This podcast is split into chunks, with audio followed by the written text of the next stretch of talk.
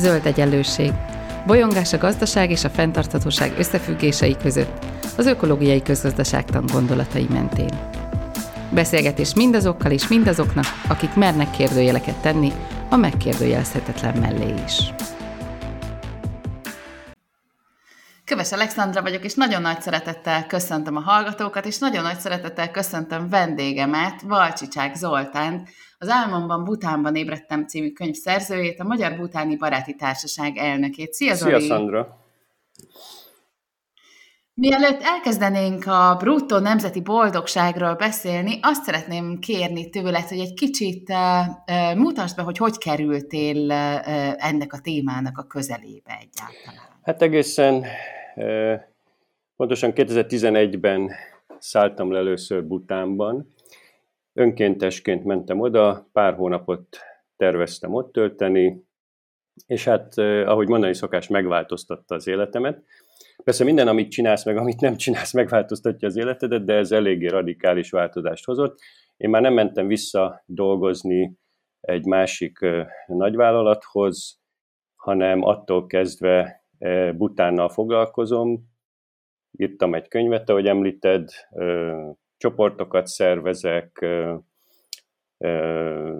Magyar Butáni Baráti Társasággal rengeteg rendezvényünk van, butániakat hívtunk ide.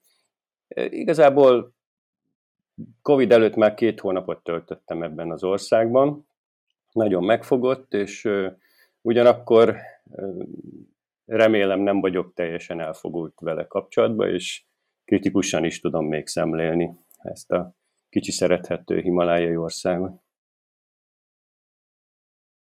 Hát azt hiszem, hogy a kritikusságra bizonyos értelemben szükségünk lesz, mert hogy mert hogy azért Magyarországon, amikor azt mondod, hogy, hogy bruttó nemzeti boldogság, akkor szerintem mindenki, hát a, a mosoly és a, és a, a cinikus nevetés között valahol van, mert hogy, mert hogy a magyar pszichétől valahogy ez annyira távolinak tűnik, um, egyáltalán ez a, ez a gondolat, hogy, hogy, hogy, hogy ilyen létezhet, és hogy egyáltalán szakpolitikai irányt lehet ennek adni.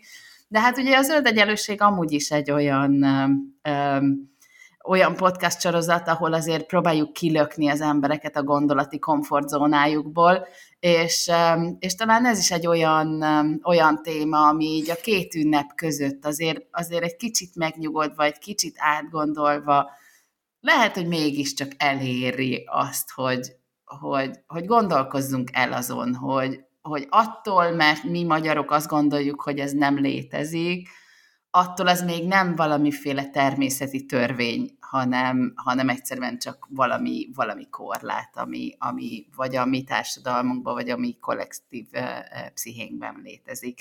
Úgyhogy, úgyhogy egy kicsit vezess be bennünket abba, hogy egy, egy kis ország, mint Bután, hogyan tudja ezt, a, ezt az indikátort nagyjából a kormányzati törekvései középpontjába helyezni. Hát ebben teljesen igazad van, hogy amikor azt mondom, hogy bruttó nemzeti boldogság, vagy össznemzeti boldogság, most már ez is egy elterjedt kifejezés, akkor egy kicsit furán néznek rám az emberek, még viccelnek is, hogy bután nézek rád, meg ilyesmiket szoktak mondani. Igazából, amikor én először 2011-ben oda mentem, én magam is, hogy mondjam, bennem volt a kis a kelet-európai kis ördög, amikor arról hallottam, hogy egy állam, egy kormány egyáltalán ebbe a boldogság témába bele tud szállni, állást tud foglalni, ki tud alakítani bármit ezzel kapcsolatban, mert azt gondoltam, hogy ez egy, ez egy személyes ügy, a boldogság. Itt azt is hozzáteszem, hogy sokszor az emberekbe összekeverednek a dolgok, tehát itt nem arról van szó, most az elején is rögtön leszögezhetjük, hogy a butániak nagyon boldogok, és hogy ez az ország a legboldogabb a világon. Ez inkább egy ilyen marketing, vagy inkább turisztikai marketing szlogen.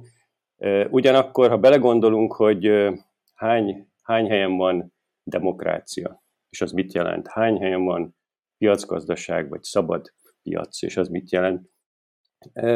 Vígan lehet vitáz, vitázni dolgokról, akkor is, ha nem valósulnak meg.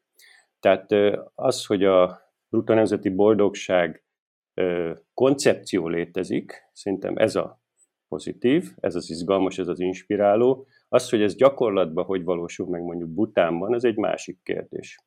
Egy harmadik, hogy ez hogy lehetne megvalósítani máshol, de hát majd gondolom erről lesz szó. De ha belegondolunk, akkor ez egy kicsit egyszerűen fogalmazva a bruttó nemzeti boldogság az kicsit olyan, mint a sampon. Három az egyben. Sőt, most már négy az egyben.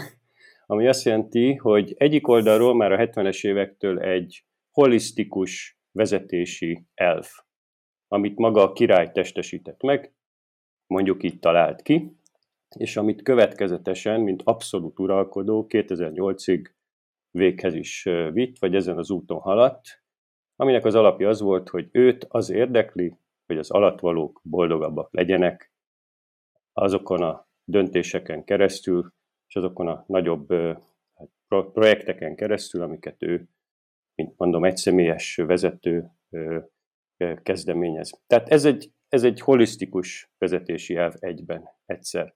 Másik részről később kialakult a 2000-es évek elejére, hogy ez egy mérési rendszer is.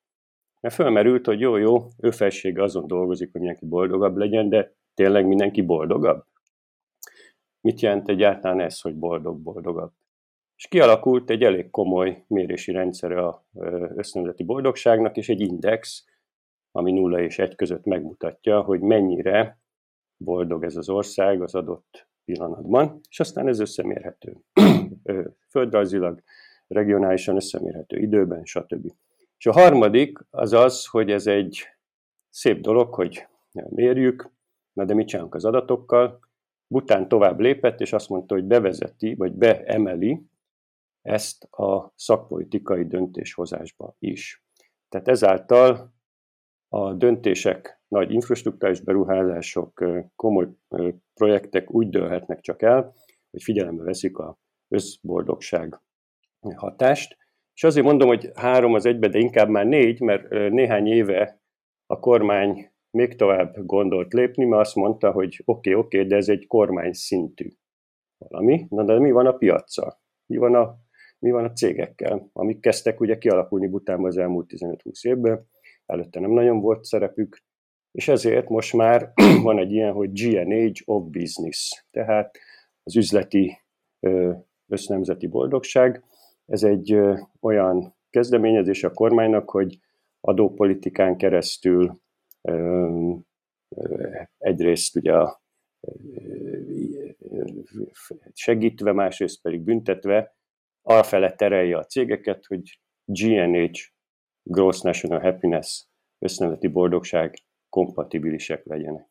Tehát gyakorlatilag röviden ez most így néz ki, az össznevezeti boldogság, és ez az egyetlen ország a világon, amennyire én tudom, amelyik ilyen szintig próbálja ezt a makroszintű, többdimenziós, értékalapú megközelítést alkalmazni a fejlesztések során.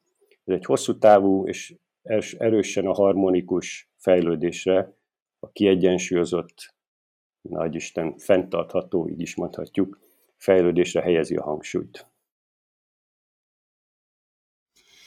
Említetted a cégeket, de hogy mit csinál egy, egy bruttó nemzeti boldogsággal együtt élő cég másként, mint, mint amit, a, amit elvárunk itt a cégen? Hát, hogyha elkezdenénk bele, beleásni magunkat a, az összöneti boldogság, most ráegyszerűsítve GNH-ként fogom mondani ö, ö, innentől, nek a mérésébe, és azok a területekre, amit mérnek, kilenc terület, amit ők fontosnak tartanak, és ezen belül 33 indikátor, stb. stb., hogy megyünk le szépen, úgy, úgy kibomlik, hogy ők mit gondolnak arról, hogy, hogy, hogy mik azok a te, mik azok az területek, mik azok a a, mi kell ahhoz, hogy boldogabb legyen egy társadalom, és egyszerűen az történt, hogy ezt rávetítik, rávetítették némi változtatással a cégek működésére.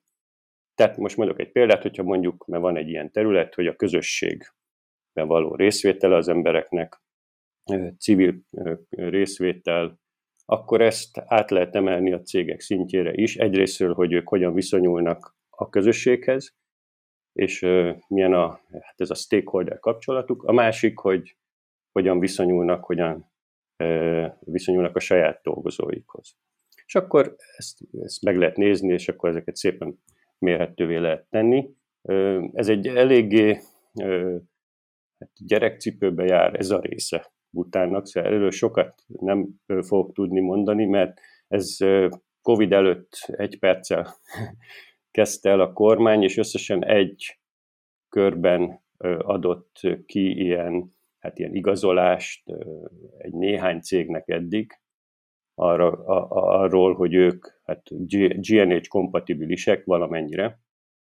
Mert itt az egész rendszer egy ilyen küszöbb átugrásos rendszer, vannak küszöbök, azokat meg kell ugrani, és akkor lehet azt mondani, hogy mondjuk a felmérés van, akkor ez az ember boldog, vagy nem, vagy mondjuk ez a cég, ez felelős, vagy nem.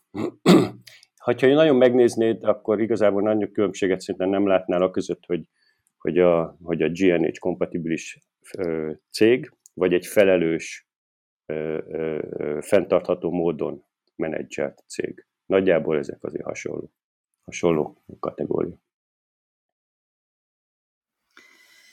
Rengeteg másik indikátor is van, amit, amit azért így lehet arra használni, hogy a jól létről is adjon valamilyen képet a, a, a döntéshozóknak. Ilyen különböző indikátorokat azért a, már a más országokban is használnak, tehát például új-Zéland, meg Skócia, ugye ők is elindultak ebbe a well-being economics, jól léti, gazdaság felé, és nyilván ők is figyelnek ilyen indikátorokat. Szerinted mitől más ez az indikátor, mint a, a, a többi ilyen jól létet is figyelembe vevő indikátor? Tényleg van több ilyen, egyrészt országos, mert aztán van a OECD-nek, ugye a Better Life Index, vagy a, vagy a Human Development index az ENSZ-nek, stb. Az egyik különbség az, hogy az egyek, egyes indikátorok, vagy indexek kizárólagosan úgymond objektív adatokkal dolgoznak, mint például a, a Human Development Index. Igazából várató életkor, oktatással kapcsolatos adatok, statisztikák és a GDP vagy GNI alapok, adatok és ennyi.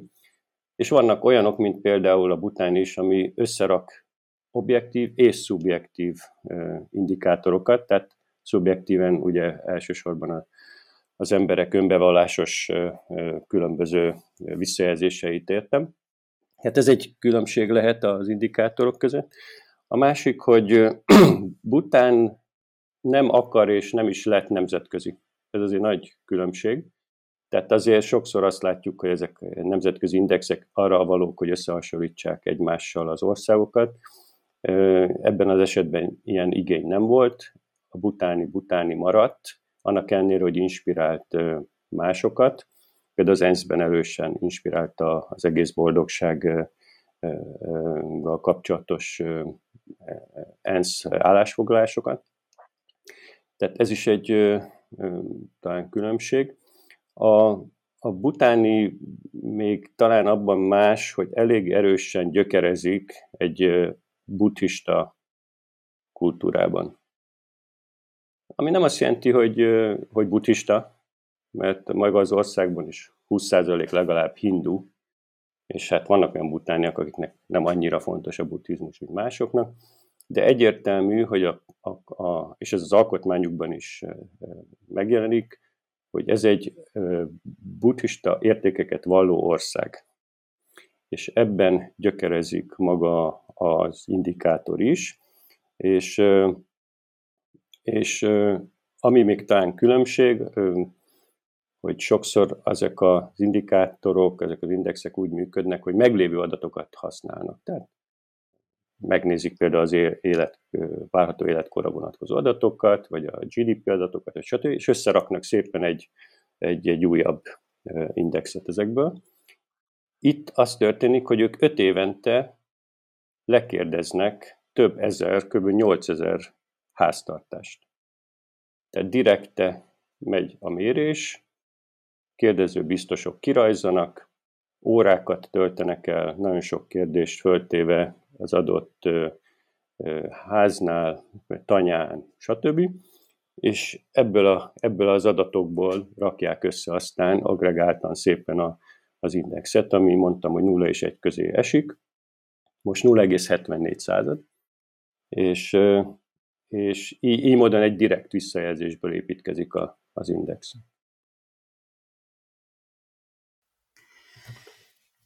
Mik azok az intézmények, amik biztosítják, hogy, hogy a, a szakpolitikába ezek a, ezek a szempontok megjelenjenek? Tehát van, van konkrétan olyan intézmény, amelyik, amelyik azért felelős, hogy, hogy, hogy, hogy, hogy ezt, ezt így mindenki horizontálisan figyelembe vegye, akármilyen döntést hoz? Sokszor tévesen a magyar médiában is megjelenik az, hogy Bután az egyetlen ország, ahol boldogság minisztérium van.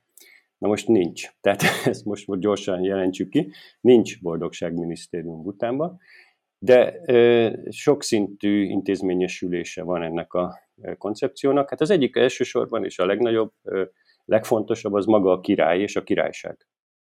Tehát ez az egész 1976 körül datálható interjúból nőtt ki, amikor a királyt, az akkori nagyon fiatal királyt, aki most már nyugdíjas király, megkérdezték, hogy mennyi a GDP az ön országának, mondta egy indiai kekeckedő újságíró, mert tudta, hogy nulla körülbelül nem volt pénz, nem volt mérhető a GDP igazából Butánban, 70-es évek, és a király azt találta mondani, hogy nekünk fontosabb a gross national happiness, a boldogság, mint a, e, mint a gross national product, a e, össznemzeti termék. Tehát, hogy ő maga ezt kijelentette, és a mai napig a király személye garantálja ezt a hosszú távú holisztikus megközelítést. Révén királyt nem választunk négy évente vagy öt évente, hanem ő hosszú távra van, ha bár az alkotmány alapján 65 évesen a butáni király nyugdíjba megy, tehát olyan nem fordul elő, mint Angliában, hogy, hogy sokáig ér és úgy hal meg. Tehát, hogy ez az egyik legfontosabb intézmény, maga a királyság ami stabilitást ad. Most már 2008 óta itt rendes váltógazdaságban működnek az államok, a kormányok, tehát itt választások vannak, és van alkotmány 2008 óta, ez a másik, amiben többször megjelenik az, hogy az kormány, az állam feladata, hogy azokat a környezete, biztosítja azokat a kondíciókat, amik elősegítik az összeneti boldogság növelést. Ezen túl van egy olyan szervezet, és ez már eléggé konkrét, így is hívják, GNH bizottság, GNH Commission. Ez gyakorlatilag a tervbizottságból nőtt ki, mert érdekes módon Butánban a indiai mintára mai napig 5 éves tervek vannak. És már 60-as évektől elkezdődött, akkor volt ez a tervbizottság, és ebből nőtt ki, vagy lett aztán az össznemzeti Boldogság Bizottság. Na most ez egy nagyon fontos szervezet, mert ez, ezen átfut minden nagyobb beruházás, infrastruktúrális fejlesztés, vízerőmű, útépítés, akármi. Mi szeretnénk egy komposztüzemet Butánban egy magyar céggel építeni, ez is átfutott ezen a bizottságon, Szentse zöld utat kapott. Tehát, hogy itt, ha nem kap zöld utat, akkor meg, megreked a projekt, akkor nem megy tovább. Tehát ez egy nagyon konkrét, az összes minisztériumi terveket felülbíráló, felülvizsgáló szervezet. És hát emellett van egy, egy olyan központ, amelyik azt a feladatot kapta, hogy kifejlesz a mérési rendszert, ez a, ez a Center for GNH Studies, és ennek a vezetője nagyon fontos ember, az Karma Ura.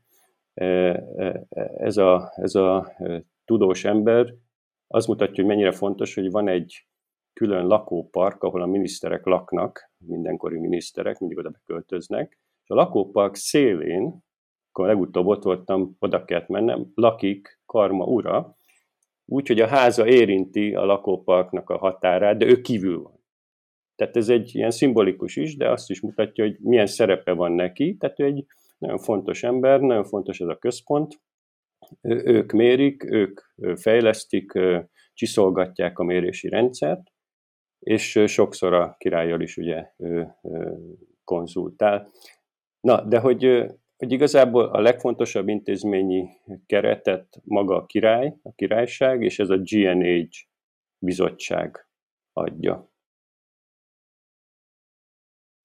De nyilván, tehát ugye a, a, az intézményeken túl, meg hát azért itt, itt, itt beszéltél történelemről, de hát azért a kultúra, a kulturális közeg, vagy maga a, a földrajzi helyzet, vagy, vagy azok az adottságok, amik, amik között van mondjuk, akár geopolitikai adottságok, azért ezek is számítanak abba, hogy, hogy mennyire tudja egy ország mondjuk mondjuk a, a saját útját járni. Mert nekem azért ez, ez, ez eléggé úgy tűnik, mintha megpróbálták volna a 70-es években magukat nem belelavírozni a vadkapitalizmusba rögtön, hanem valahogy találni egy saját utat, ami a saját buddhista értékeiknek meg tud felelni.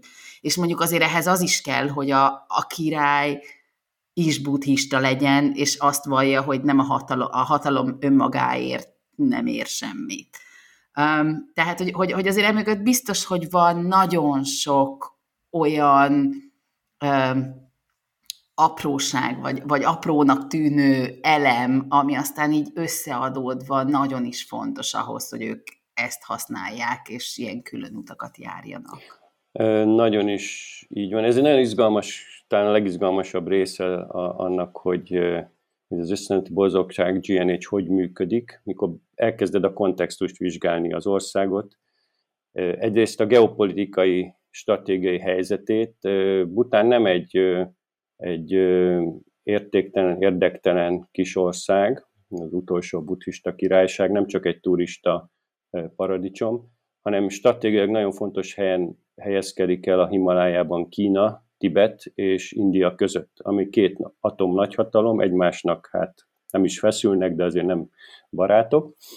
Ez egy ütköző zóna, ahonnan ráadásul komoly, a, víz, a komoly vízkészletével is nagyon fontos Bután. Egyrészt a vízerőművek, amiket ráépítenek, másrészt a, például a Brahmaputrát szinte teljesen butáni folyók táplálnak, tehát ez egy fontos, stratégiai fontos rész, hely. Itt tűntek már el buddhista királyságok, például Sikkim, ugye Nepál sem királyság, már maoista, maoista kormány van. Tehát az egyik oldalról, ami szerintem fontos volt, hogy egy ilyen koncepciót kiérleljen, és, és következetesen végvigyen ez az ország, az az volt, hogy föltegyék magukat a térképre. Most ugye itt vagyunk, 2022-ben beszélgettünk Butánról és az össznemzeti boldogságról. Ez egy fantasztikus dolog, ez egy kicsi ország, egy, egy annyi ember él ott, mint Buda, budányi ember, tehát nem 800 ezernél kevesebb. Ez egy elszigetelt kicsi hely, mégis 2012-ben az ENSZ az ő kezdeményezésükre tette föl a, a, a megbeszélendők közé a boldogságot és a boldogságmérést, ő miattuk van minden évben világboldogság nap, stb. Tehát föl akarták magukat, és szerintem ez egy diplomáciai, politikai húzás is, hogy föltegyük magunkat térképre, hogy ne tudjanak minket, minket olyan gyorsan, könnyen leterelni, leszedni onnan, hogyha arról van szó. A másik, amit mondtál, ez nagyon fontos, ők látták, meg későn értek, későn érkeztek, hogy mennyi problémával járt a 20. században a nagyon erőltetett, radikális átalakítása az olyan országoknak, mint Kína vagy India. Ha mondjuk Kína, ez aztán tényleg nagyon jó példa. És azt gondolták, hogy egy, nem akarunk így rohanni bele a, a vadkapitalizmusba és nyitni, Kettő, nem akarjuk elveszíteni a tradíciókat, a kultúránkat, szeretnénk megőrizve fejlődni, ezt megőrizve fejlődni. És ezért gondolták azt, hogy óvatosan, lassan nyitunk, óvatosan, lassan vezetünk be mindent, és ez szerintem nem volt egy rossz ötlet. Tehát ez, ez, ez azért eléggé jól bejött, annak ellenére, hogy ez egy nagyon nehéz folyamat, nagyon nehéz ezt végvinni. De amire építenek, az egyrészt a buddhizmus. Tehát a buddhizmusnak olyan értékei vannak, amit mind a mai napig, a mindennapokban élnek meg az emberek, mint például az teljes összekapcsoltság, az egymásra utaltság, az ebből adódó felelősség, a, a harmóniára való törekvés, a természettel való harmónia, a természetnek a tisztelete, megőrzése, az együttérzés, a minden érző lény iránt, stb. Ezek azért rányomják a bélyegét a mindennapokra is, rányomják a bélyegét az, az, erre a koncepcióra is. Tehát ott vannak, ott mozognak ezek az értékek egyértelműen. Ez egy vidéki természeti ország, tehát nagy többség mindig vidéken lakik, és ez őserdő. 70%-a Butánnak erdő, őserdő, egyszerűen kikerülhetetlen a természet és a természettel való mindennapi kapcsolat. Ez nagyon erősen benne van, tehát ők elkezdtek például kivágni fákat a 80-as években és eladni, exportálni, abba hagyták, rájöttek, hogy ez nem egy jó ötlet, erózió, stb. Tehát ők nagyon jól tudnak korrigálni is, meg kicsik. Ebben a rendszerben könnyebb korrigálni, és, és gyorsabban lehet reagálni. És egyértelmű, hogy az, hogy van egy ilyen természeti környezet, az, hogy van egy ilyen buddhista kulturális gyökér, tradíció, ez meghatározó, és ebből nőtt ki, és ezért is, vagy ezért sem lehet egy az egybe áttenni egy másik kultúrkörbe, ha bár, és talán erről is lesz szó, vannak olyan magyar kezdeményezések, amik megpróbálják ezt.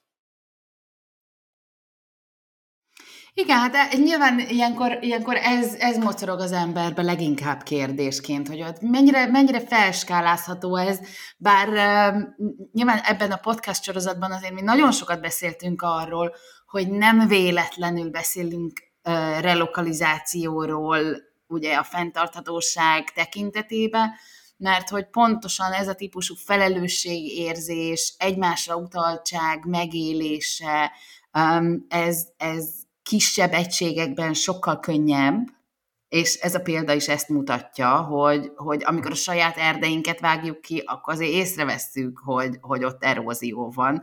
Míg hogyha valamilyen nagyon távoli erdőnek a, a, a az abból adódó hasznokat tesszük zsebre, akkor az, az, az nyilván teljesen más. Tehát, hogy, hogy hogy egyrészt nyilván kérdése az, hogy, hogy felskálezhető, de ugyanakkor szerintem ez nagyon szépen mutatja, hogy miért kell adott esetben egyre kisebb egységekben gondolkozni, hogy, hogy, hogy a fenntartatóság létrejöhessen. De hogy igen, tehát hogy, hogy mennyire vehető át vajon ez a gondolkodás, és akkor, akkor nem feltétlenül globális vagy nemzeti szintekről beszélünk, hanem akár, akár helyi szinteken. Tehát, hogy lehet-e, vagy, vagy ehhez feltétlenül muszáj mondjuk buddhistának lenni? Hát semmiképp nem muszáj buddhistának lenni, tehát hogyha az ember úgy elkezdi ezt letisztítani, lecsiszolni, akkor az eléggé univerzális, egyetemes értékek, és olyan értékek bukkanak elő, amik egyre fontosabbaknak tűnnek a mai, hát mai világban, ahogy, ahogy, halad, ahogy halad a gazdaság, ahogy halad a, a, a világ, amilyen problémákkal nézünk szembe. Tehát egyre aktuálisabbá válik fura módon Bután ilyen szempontból. Említettem a demokráciát, ami ugye vagy kialakul, vagy nem, különböző módokon alakul ki a világban, de mégis egy inspiráló koncepció. Egy inspiráló érték. Legyen, legyen a dolog demokratikus, amit csinálunk. Tehát itt szerintem ugyanez van, hogy van egy olyan nagyon erős inspiráció, hogy kicsit álljunk meg, és kezdjük el máshogy nézni a világot. Kezdjünk el máshogy mérni a világot. És amint máshogy nézzük, máshogy mérjük, úgy alakul át ugye az, a szemléletünk, úgy alakul át maga a világ is, mert ugye ez vissza, visszahat rá.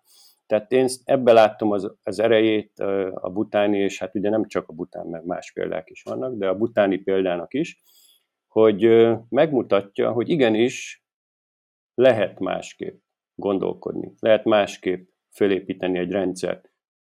Biztos nem lesz könnyű, egy csomó nehézséggel szembenéz az ember, a gyakorlat sokszor nem ugyanaz, mint amit elképzelünk, de legalább megpróbáljuk. És úgymond nagy, kicsit liraian életben tartjuk a lángot, és mutatjuk, hogy igenis van egy ilyen, van egy ilyen út. És ilyen szempontból engem másokat, nagyon sok embert, nagyon sok emberrel találkozom én magam, akik nem butániak, de Bután barátai, vagy úgymond hasonlóan inspiráltak, mint én vagy mi, hogy igenis kezdjünk el másképp gondolkodni a mi dolgainkról. És már ez egy óriási dolog. Tehát szerintem ez egy, ez egy nagy előnye, hogy, hogy inspirál, és, és egy az egyben nem átemelhető, de, de a, az értékrendszere szépen beleilleszthető szerintem a gondolkodásunkba. Amit talán más és különös, vagy egyedi, az maga a spiritualitás része ennek az egésznek, ami nem mindig található meg a mondjuk így a fenntarthatósági gondolkodásban, tehát ott sokszor ez nincs ott, vagy nem annyira, nem annyira erős. Itt én ennek sok előnyét láttam.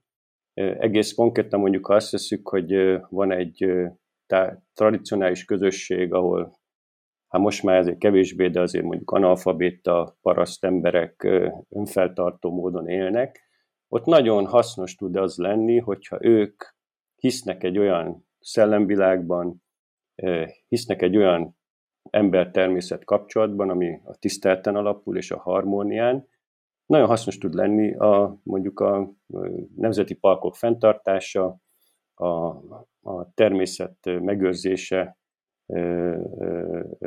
útján. Tehát, hogy ez, ezt a kettőt össze lehet kombinálni, úgy látszik, hogy elég, elég harmonikusan, és egymást tudják segíteni. Például másik a karma, karma tan és az abba való hit sok embert arra ösztönöz, hogy jót cselekedjen. És ez visszahat a társadalomra, ez más, más emberközi kapcsolatokat teremt. Ennek van haszna.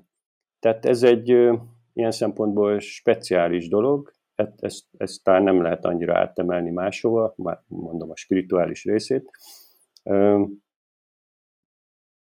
Igen, tehát igen. És akkor azért a millió dolláros kérdés, szerinted Magyarországon mit lehetne ebből hasznosítani? Tehát most, és, és most, most távolodjunk el az aktuál politikától, hanem, hanem így, így, így gondolatiságban. Tehát mi az, ami, ami a, a mi kultúrkörünkben megférne, mert hogy ugye azzal kezdtük a beszélgetést, hogy hát azért ezt valaki meghallja és mosolyog. Hát ez egy azért ez egy sokszintű kérdés. Egyrészt mi az, hogy kultúrkör, kultúra. Bután elég homogén. Tehát ez egy kicsi ország, elég homogén kultúrával. Mondom, vannak jelentős másvalásúak is, de az élmények, az életük nagyban hasonló. Ez azért nem mondható el a nagyvárosi, nagyon heterogén kultúrájú világ, világról, ez már egy különbség, hogy meghatározni, hogy mi az, hogy a magyar kultúra, mi van, mi van abban, mi nem nincsen abban.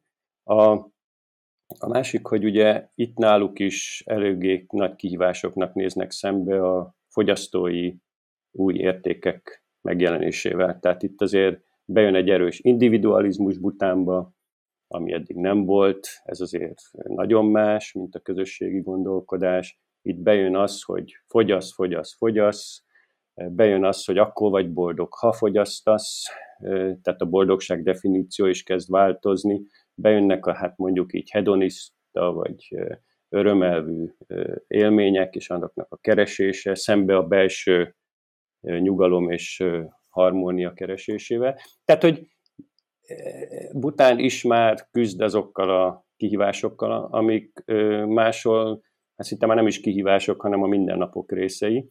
És Ilyen szempontból Magyarországra eh, átültetni egy ilyen megközelítést, az nem egy egyszerű eh, dolog.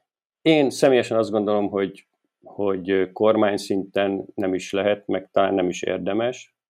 Mondtam az elején, hogy akkor Butánba mentem, bennem volt a kelet-európai kisördög, tehát azért eh, ez egy nagyon más kultúra a miénk, nem mindig hisszük el, amit mond a hatalom, sokszor a szavak kifordultak, mást jelentenek, egész mást, vagy pontosan az ellenkezőjét. Emberek cinikusabbak, sokkal inkább, ha egy ilyen egy ilyet dolgról hallanak, hogy mérjük meg a boldogságot, meg döntsünk ilyen alapon.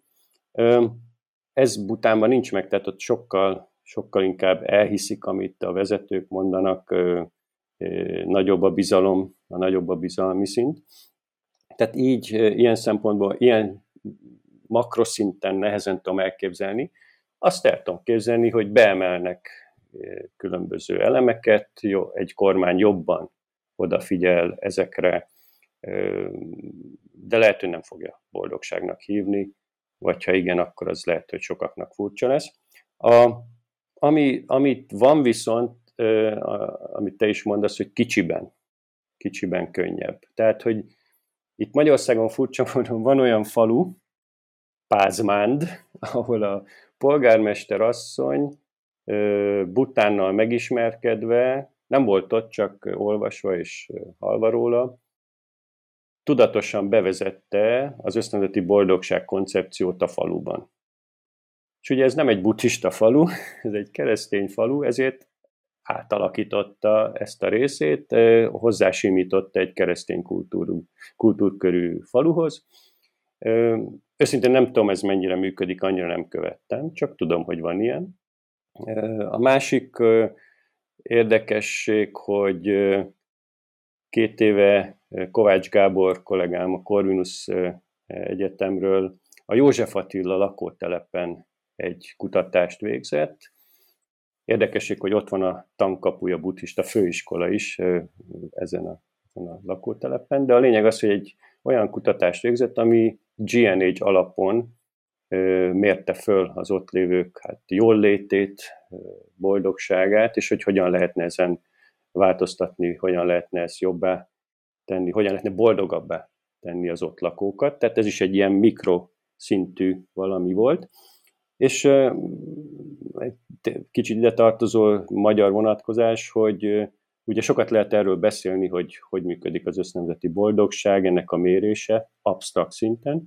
Van egy magyar butáni dokumentumfilmes pár, akik már csináltak egy filmet, és most konkrétan, ahogy beszélünk ebbe a pillanatban is, ott van Zurbo Dorottya Putánban, és Árum Batarájjal egy filmet forgatnak az össznemzeti boldogságról, mondjuk így alulnézetből. Tehát követnek egy kérdezőbiztost, vagy többet, és meglátogatják, akiket a biztosok is meglátogatnak, a vidéken élő családokat, városiakat, stb., és megnézik filmes eszközökkel, dokumentum eszközökkel, hogy, hogy ők hogyan élnek, és hát mennyire boldogok. És ez egy, ez egy érdekes dolog, mert ez ugye egy más szempontból mutatja meg, hogy, hogy ez a rendszer hogy tud működni helyi szinten. Én ezekről a hát, magyar vonatkozásokról tudok, őszintén nem, nem sok olyan példát láttam, hogy egy az egybe át lehetne emelni egyik országból a másikba dolgokat. Még egyszer szerintem ez egy nagyon klassz inspiráció, egy nagyon klassz működő, így úgy működő modell, amire rá lehet tekinteni. Úgy van összerakva, hogy ha buddhista alapú is, de annál jóval egyetemesebb, univerzálisabb, tehát azért, ezért ez sokkal jobban hasznosítható, és hát érdemes megnézni, hogy gyakorlatban ez ott hogy működött, figyelembe véve ugye azt, hogy méretkülönbségek vannak, stb. És abból szerintem elég jól lehet tanulni. Erre jó, én azt látom. Lehet, hogy másra nem. De hát már ez is nagy dolog. Hát abszolút, és legyen ez a végszó, mert hogy pontosan, tehát hogy amikor elkezdünk gondolkozni valami, valamiről, ami, ami máshol működik, nem kell azt egy az egybe átvenni, de már maga a gondolkodás is vezet valahova, vagy a párbeszéd arról. Úgyhogy én nagyon-nagyon szépen köszönöm neked ezt a beszélgetést, um, és köszönöm a hallgatóknak, hogy hallgattak bennünket, um, és hát persze szeretnék nagyon boldog új évet kívánni neked is, meg a, meg a hallgatóinknak is. Szia Zoli! Köszönöm a lehetőséget! Boldog ünnepeket! Szevasz! Idén második évadát zárja a Kék Egyelőség, Magyarország első kritikai pszichológiai podcastja. Célunk, hogy feltárjuk az egyéni érzések környezeti okait, és kritikai szemlélettel egészítsük ki a hazai pszichológiai gondolkodást. A következő évadra készülve arra kérünk titeket, hogy támogassátok a podcastot.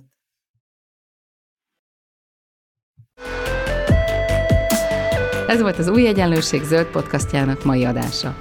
Hallgassátok az Új Egyenlőség piros podcastot is. Nézzétek a stúdióbeszélgetéseket a YouTube csatornákon, és olvassátok a www.újegyenlőség.hu-t. Vitatkozzatok velünk a Facebook oldalunkon. Jövő héten újra találkozunk.